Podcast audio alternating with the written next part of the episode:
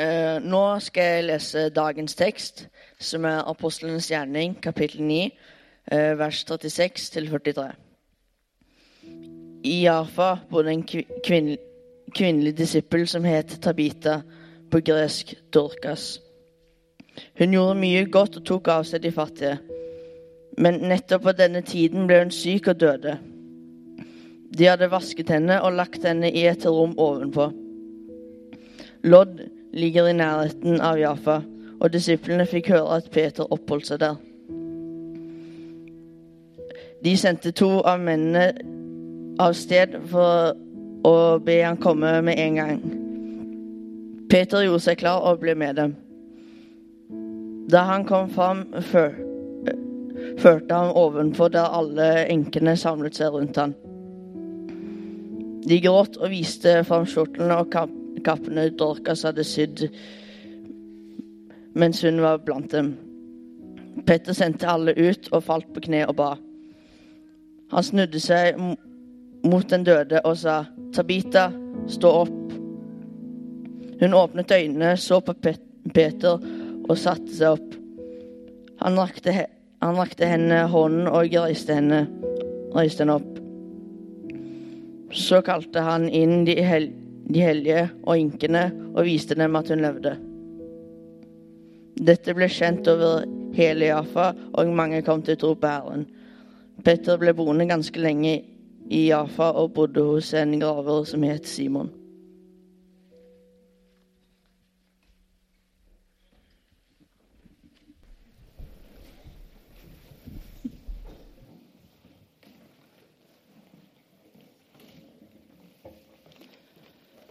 God morgen. Takk. Du Velkommen til gudstjeneste her i Misjonskirka i dag. Velkommen til dere som er her sammen med Rose. Kjempekjekt å se dere. Spesielt velkommen til Rose, selvfølgelig. Eh, og velkommen til alle dere andre. Eh, dette blir bra. Vi er midt i den taleserien. Jeg må bare si at jeg kommet på at jeg sier det hver gang. Jeg er midt i en taleserie, og det tenker jeg det går faktisk ikke. Men vi er midt nå i den taleserien som vi har valgt å kalle for Kirken min. Eh, som går fra påske til pinse, og der vi har satt av tid til å snakke om Kirken. Eh, om oss som menighet, eh, og hva Kirken er for oss, men også hva Jesus sier om Kirken. og Det er kanskje det viktigste. Han som er den som bygger kirken. Og Sist søndag så var det konfirmasjonsgudstjeneste her i Misjonskirka. og Noen av dere var der, og noen av dere var ikke der. Og Da var Alexander, som er vår ungdomspastor, han talte.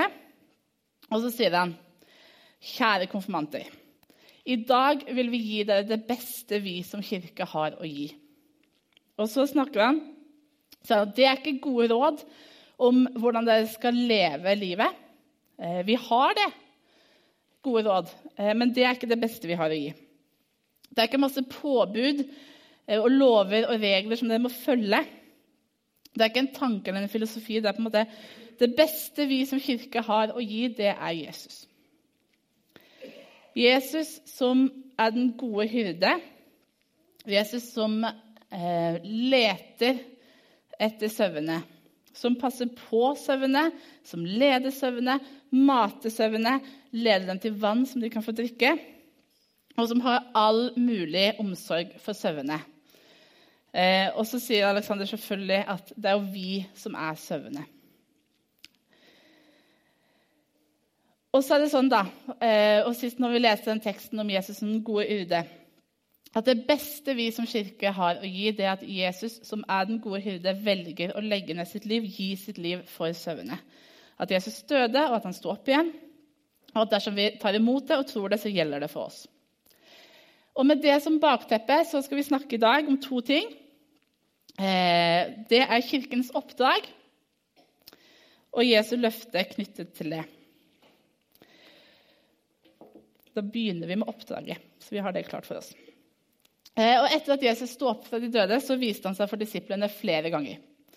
Eh, for kvinnene, og for veldig mange andre mennesker. Eh, og Den aller siste gangen som Jesus viste seg for disiplene, så gir han dem et oppdrag og et løfte. Og Denne teksten har dere hørt veldig mange ganger, så dette kommer ikke som en overraskelse. Vi kaller den ofte for misjonsbefalingen. Og så står det Jeg har fått all makt i himmelen og på jorden. Gå derfor ut og gjør alle folkeslag til disipler. Døp dem i Faderen og Sønnen og Den hellige ånds navn, og lær dem å holde alt det jeg har befalt dere. Så det er oppdraget. Og så kommer løftet. Se, jeg er med dere alle dager inntil verdens ende. Så oppdraget er klart. Vi som kirke, vi som kristne, vi som menighet skal gjøre alle folkeslag til disipler. Det vil si naboen vår.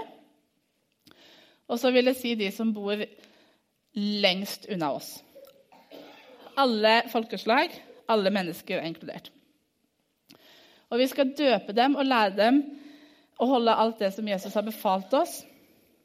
Eh, så vårt oppdrag er å gi videre det vi selv har fått. Vårt oppdrag er å gi det beste vi har, nemlig at Jesus har stått opp fra de døde. At Jesus har gitt sitt liv for oss, at Jesus har gitt sitt liv for meg og for deg videre. Det er vårt oppdrag. Og En av de andre tekstene som hører til den søndagen i dag, står i Johannes 16.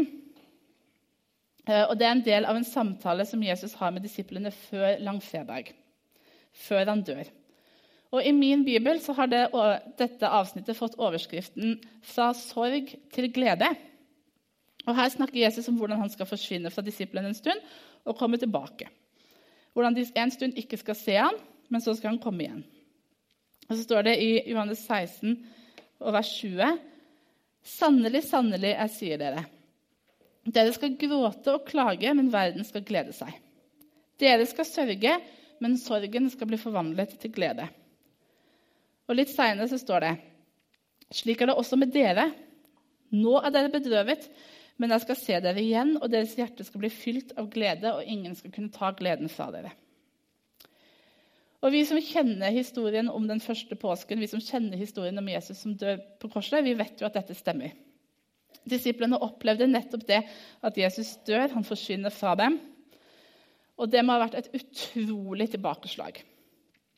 Men for dem, mens verden gleder seg, sant? fariseerne som ønsket Jesus død, eh, romerne eller alle de som har stått i folkemengden og ropt 'Korsfest ham, korsfest ham'.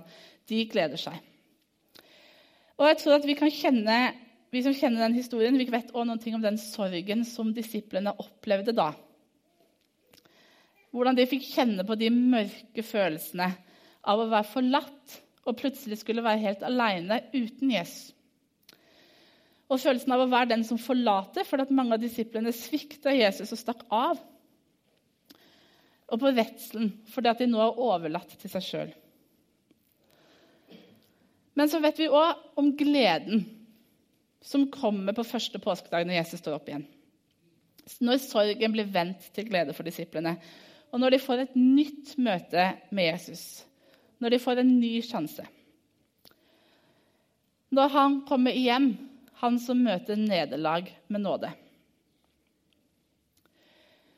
Og Ofte når vi snakker om Bibelen, så kaller vi Bibelen for den store fortellingen. Fordi at Bibelen handler om fra første Mosebok til Johannes' åpenbaring om hvordan Gud åpenbarer sin kjærlighet til menneskene. Og det, Bibelen er den store fortellingen om hvordan sorg blir vendt til glede. Hvordan død blir til liv, og hvordan håpløshet blir til håp. Men den store fortellingen om Guds åpenbaring til menneskenheten den er også fylt av mange små fortellinger om Gud som åpenbarer seg for enkeltmennesker, om sorg som blir vendt til glede i ett menneskes liv. Og det er en sånn tekst som vi har hørt i dag, om Tabita. Dorcas. Eh, som var en av disiplene, eh, en kvinnelig disippel, eh, i menigheten i Jaffa. Og som ble syk og døde. Og så er fortellingen om Tabita fortellingen om veldig mange mennesker som Tabita kjenner, tenker jeg, som var glad i henne. For det er jo ikke bare Tabita som dør, som blir berørt av dette, men hun har venner, en menighet som hun er glad i henne, kanskje har hun familie. Så det er mange mennesker rundt Tabita som nå opplever sorg, som sørger fordi at de har mista en som de har vært glad i. Og så er fortellingen om Tabita og fortellingen om hva som skjer når Jesus får slippe til i denne lille fortellingen. Fordi i nærheten av Jaffa, der som Tabita bor, bodde, eh, så er Peter, disippelen Peter. og Det har de hørt om, denne menigheten i Jaffa. Og de sender bud på Peter og ber ham om å komme. Og det gjør han, og kommer dit som, dit som Tabita ligger. Og så viser de fram disse menneskene. Og de tenker at Det vitner noe om at Tabita har mennesker rundt seg som bryr seg. Fordi at de viser fram alle tingene som hun har gjort og lagd. Alt det som hun har betydd i menigheten. Og så Peter, er Peter der inne på det rommet. Eh, og så ber han til Gud. Og så våkner Tabita til liv igjen. For Jesus griper inn. Og for Tabita og for de som er glad i Tabita, så blir sorgen vendt til glede. Der og da. Med en gang. Og så er det sånn at For oss som er kristne, så har vi et løfte og vi kan ha en forventning om at vår sorg skal bli vendt til glede. Uansett hva vi går og bærer på, uansett hva vi har opplevd, uansett hva som er vår sorg, så har Gud vunnet over det, og han har gitt oss et løfte om at vår sorg skal bli vendt til glede. Med Jesus så blir alltid sorg vendt til glede. Enten nå, i dette livet, eller etter oppstandelsen. Og Det er dette som er det beste vi som kirke har å gi. Det er dette som er vårt oppdrag å dele. Det er dette som er vårt kall. At med Jesus så blir alltid sorg vendt til glede. Og Når Jesus ber oss om å gå og forkynne evangeliet, så har han ikke tenkt at vi skal gjøre det alene i et vakuum. Han har jo lovt disiplene sine at han skal gå med. Og Det løftet gjelder oss på samme måte som de første disiplene. Se, jeg er med dere alle dager inntil verdens ende. Så tror jeg at det var kjempevanskelig for de første disiplene å forstå. Fordi de kjenner Jesus som et menneske, og de har gått sammen med Jesus som et menneske. Og så står Jesus der og sier at han skal være med dem alle dager inntil verdens ende. Og hvordan skal det gå an? Og så tror jeg at det er vanskelig også for oss å forstå at Jesus kan gå med alle dager inntil verdens ende. Alle. For det er vanskelig å skjønne det, og det er vanskelig å, noen ganger når vi ikke opplever det sånn.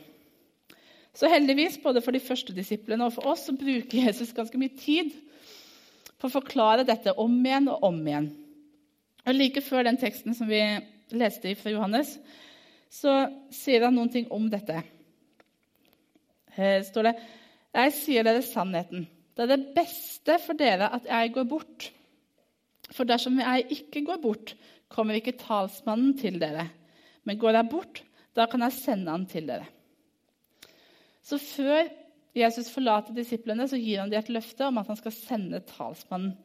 At han skal sende noen som skal være den som går med alle dager og inntil verdens ende. Og det er Den hellige ånd, som han har gitt til alle kristne.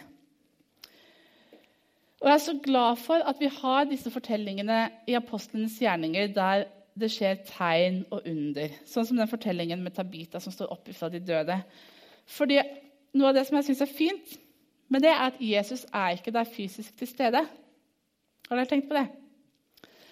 For vi har mange fortellinger i evangeliene der Jesus gjør tegn og under, der Jesus viser hvem han er, der Jesus åpenbarer seg som Gud, der han helbreder syke, der han bryter naturlover, og at han virkelig er den som han sier at han er.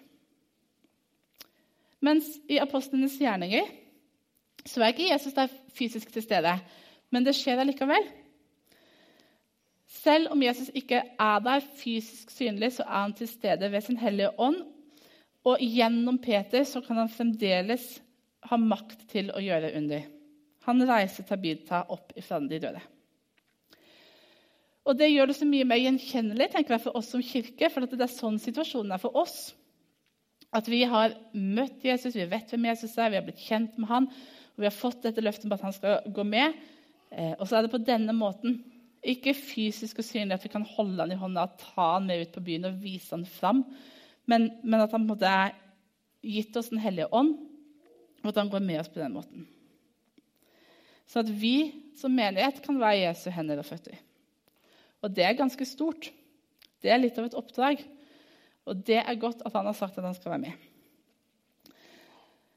Og i den fortellingen her om, Peter, om Tabita og Peter så møter vi Peter, som er den disippelen som svikta Jesus og stakk av når Jesus ble tatt til fange. Men som har fått et nytt møte med Jesus og en ny sjanse. Han har opplevd i sitt liv at sorg har blitt vendt til glede. Og han har sin egen lille fortelling, som passer perfekt inn i den store fortellingen om Gud som viser sin kjærlighet. Og så får han, Peter, være en del av Tabita sin lille fortelling. Når i Tabita sitt liv, og for de som, Tabita, som er glad i Tabita, opplever at sorg blir vendt til glede. Og for alle de som fikk livet sitt forandra pga. det som skjedde den dagen. Og så er hele apostlenes gjerninger full av små fortellinger om hvordan de små fortellingene stadig vekk dulter sammen. At mennesker som har opplevd et møte med en oppstanden Jesus, får lov til å være del i et annet menneskes lille fortelling. Og så vokser Kirken, og så blir de flere og flere og flere som har fått et livsforvandlende møte med Gud.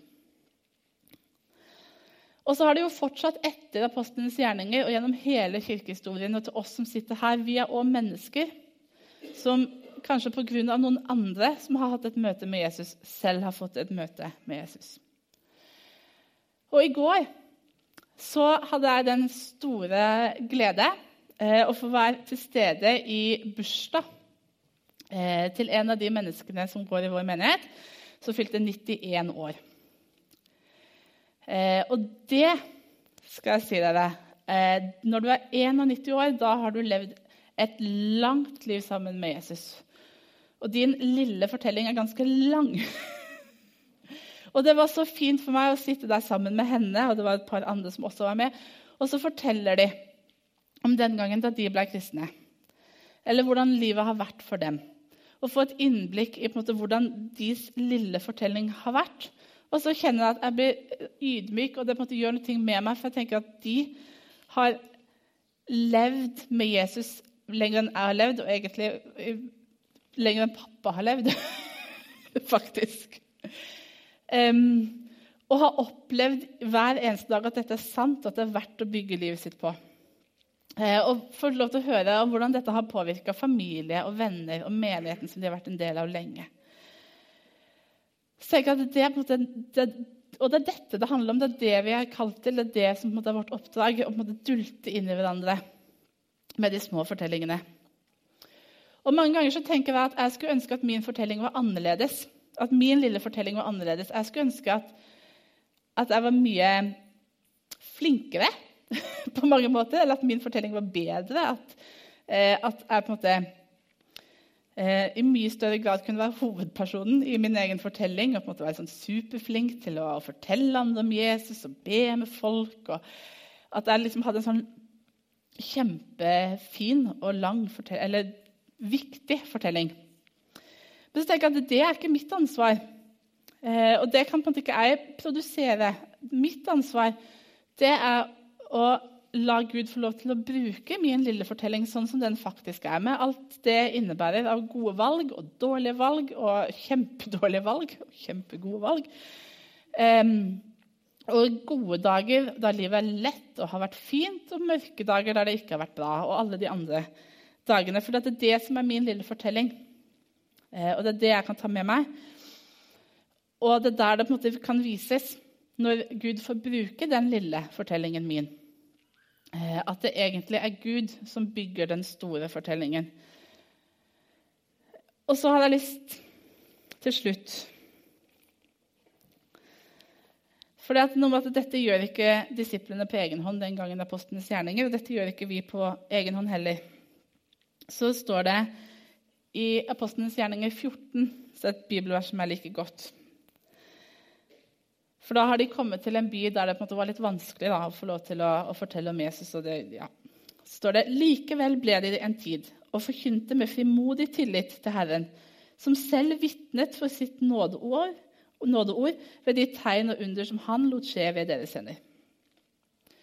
Så tenker jeg at det er noe med det at min lille fortelling den er ikke så veldig stor og så veldig fin og så flott. Men Eh, kanskje kan jeg få lov til å stå i min hverdag med min lille fortelling eh, og ha frimodig tillit til at Gud, som har sagt at han skal være med alle dager, skal være med meg i min hverdag og vitne for sitt ord med tegn og under.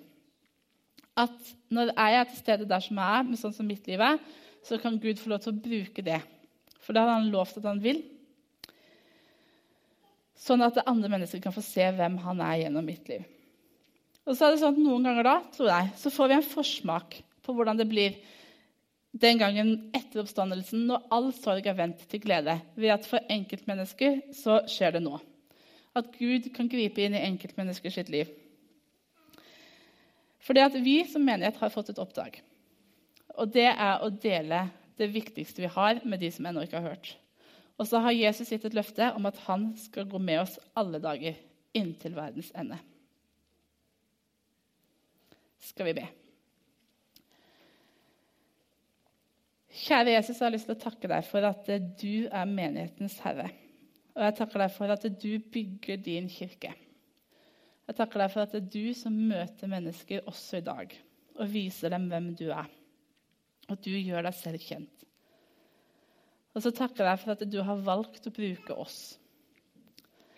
Vanlige mennesker med feil og mangler og med gode sider og dårlige sider. Til å være dine vitner. Til å være dine disipler, til å være dine vitner og gå ut i vår hverdag og dele av det som vi har fått fra deg.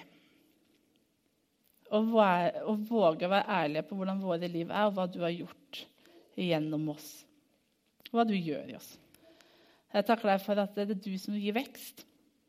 Jeg takker deg for at det er ditt ansvar å vise hvem du er, at det er ditt ansvar å, å overbevise folk. Jeg takker deg for at det er vårt privilegium er at vi kan få lov til å være med på dette. Jeg takker deg for, for at du bygger din kirke. Amen.